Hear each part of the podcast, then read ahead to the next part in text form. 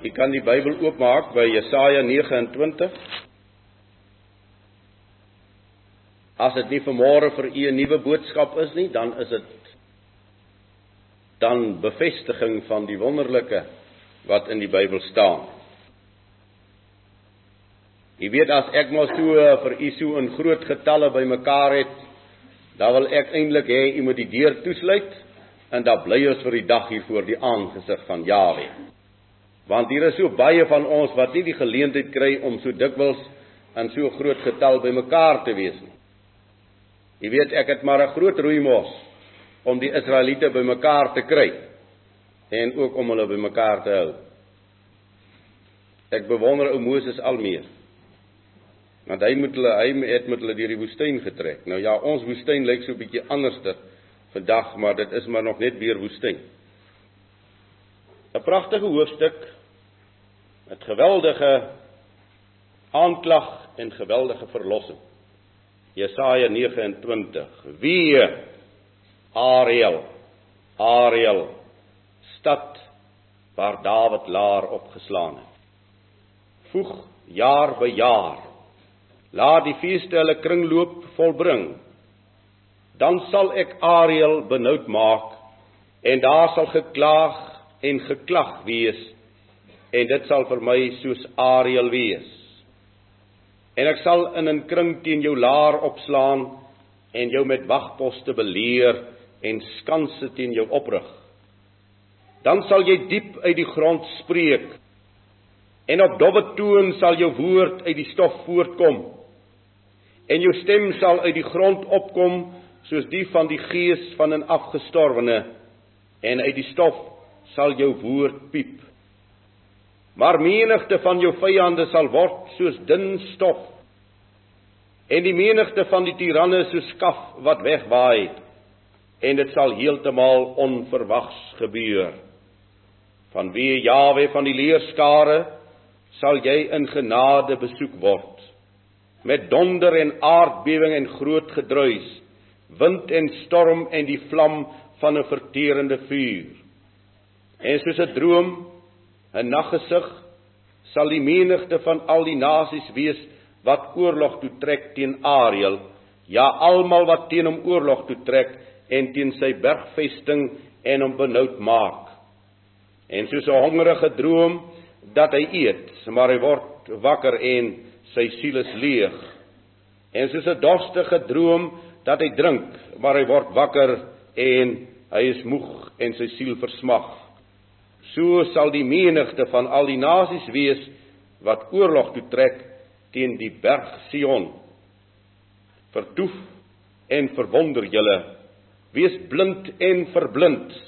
Hulle is dronk, maar nie van wyn nie, hulle waggel, maar nie van sterk drank nie want Jawe het oor julle uitgegiet 'n gees van diepe slaap en hy het julle oë die profete toegesluit en julle hoofde die sieners toegebind. So het dan die gesig van al hierdie dinge vir julle geword soos die woorde van 'n verseelde boek wat hulle gee aan iemand wat kan lees met die woorde lees dit tog. Maar hy sê ek kan nie want dit is verseël. Of hulle gee die boek aan iemand wat nie kan lees nie met die woorde lees dit tog maar hy sê ek kan nie lees nie. En Jawe het gesê omdat hierdie volk nader kom met hulle mond en my eer met hulle lippe terwyl hulle hart ver van my hou sodat hulle vrees vir my en aangeleerde mense gebod is. Daarom sal ek voortgaan om wonderlik te handel met hierdie volk, wonderlik en wonderbaar, en die wysheid van hulle wyse manne sal vergaan en die verstand van hulle verstandige mense sal wegskuil. Wie hulle wat planne diep verberg vir Jawe, wie se werk in duisternis plaasvind en hulle sê, wie sien ons en wie ken ons? O julle verkeerdheid.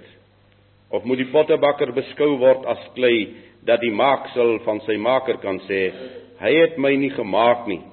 En die vorm self van sy vormer kan sê, hy het geen verstand nie geliefdes omdat ons nie weer daarby gaan uitkom nie. Is dit nie skrikwekkend dat 'n volk wat uit Jawe Almagtig gebore is, dat hy dit nie weet nie. Dat hy dit nie kan bely nie. Hy het my nie gemaak nie.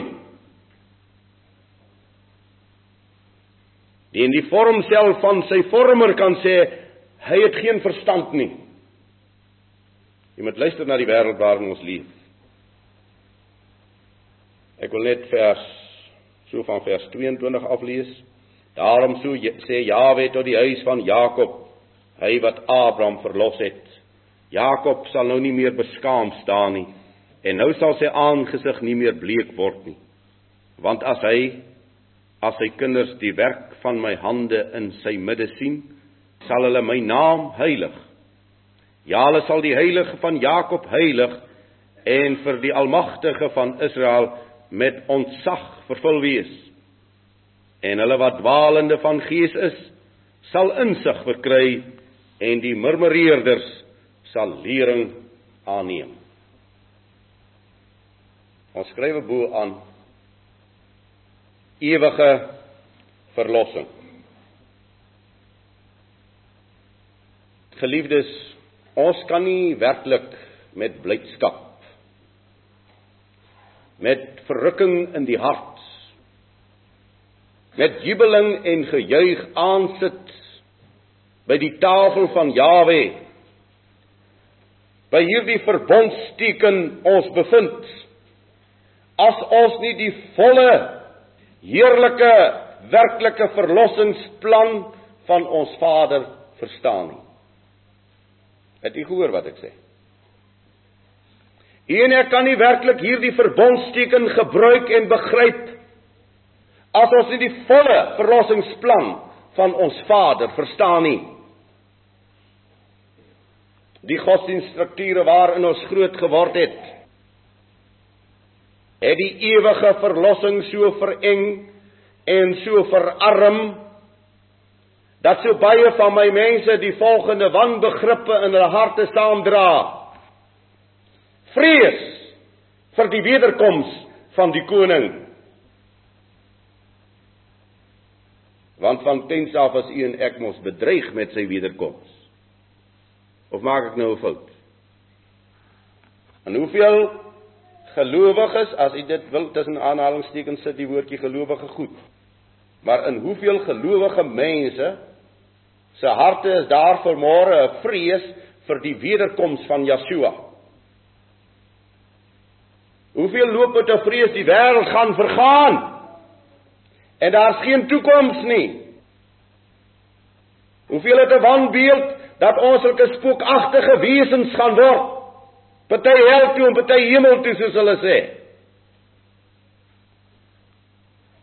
'n Wanbegrip van 'n totale wêreld evangelie wat insluit en saamvoeg wat nooit by mekaar hoort nie.